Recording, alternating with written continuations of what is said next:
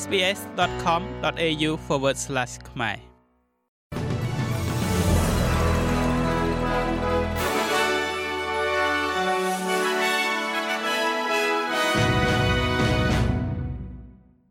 សូមស្វាគមន៍មកកាន់នេតិព័ត៌មានខ្លីៗរបស់ SBS ខ្មែរសម្រាប់ថ្ងៃប្រហ័សទី31ខែសីហា ឆ្នាំ2023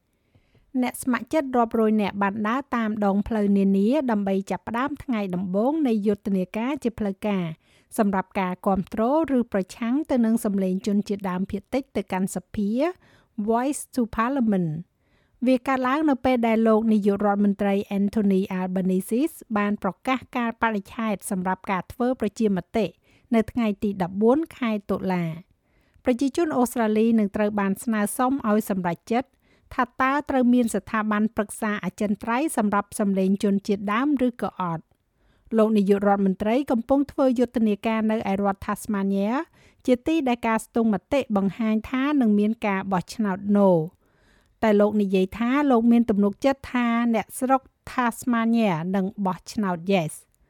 ហើយលោកអ្នកអាចស្វែងរកព័ត៌មានយ៉ាងទូលំទូលាយអំពីការបោះឆ្នោតប្រជាមតិនៅលើ SBS Voice Referendum Portal តាមរយៈគេហទំព័រ www.sbs.com.au/voicereferendum ជាមួយគ្នានេះនាយត្តកោទីផ្សារធម្មពលរបស់ប្រទេសអូស្ត្រាលីកំពុងតែអំពាវនាវឲ្យមានការវិនិយោគជាបន្ទាន់ទៅលើប្រភពធម្មពលកកើតឡើងវិញថ្មី ដោយព្រមានអំពីហានិភ័យសំខាន់សំខាន់ចំពោះភាពជឿជាក់នៃការផ្គត់ផ្គង់ធម្មពល។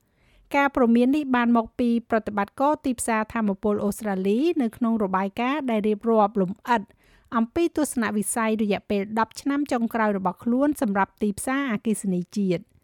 របាយការណ៍នេះបានគូសបញ្ជាក់ពីតម្រូវការជាបន្ទាន់សម្រាប់ការវិនិយោគថ្មី ដើម្បីដោះស្រាយដំណាក់កាលលុបបំបាត់ស្ថានីយធម្មពលដើរដោយធ្យូងថ្មនិងការកើនឡើងនៅតម្រូវការអគ្គិសនីក្នុងពេលដំណាលគ្នា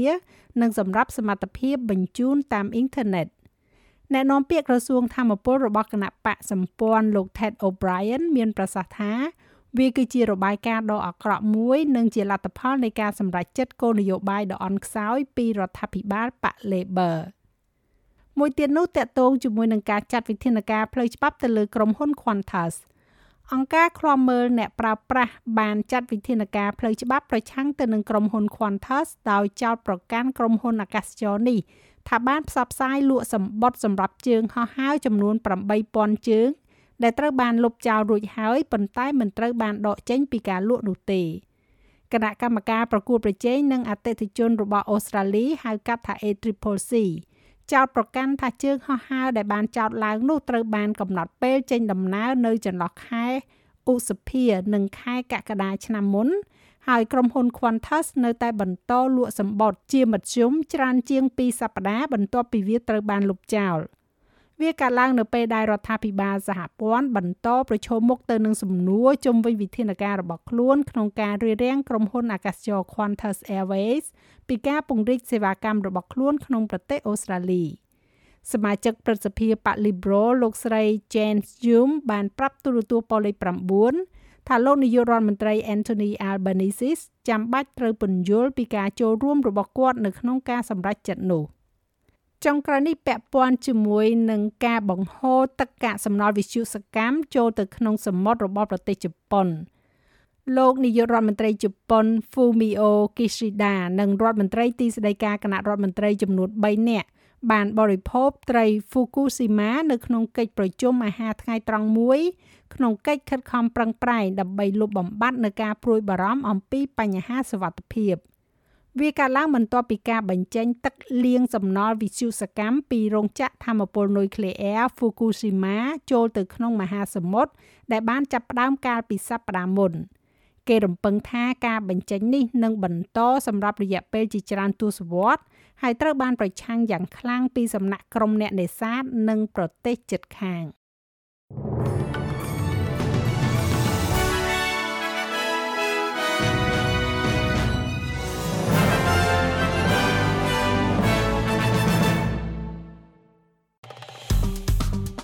ចុច like share comment និង follow SPS ខ្មែរនៅលើ Facebook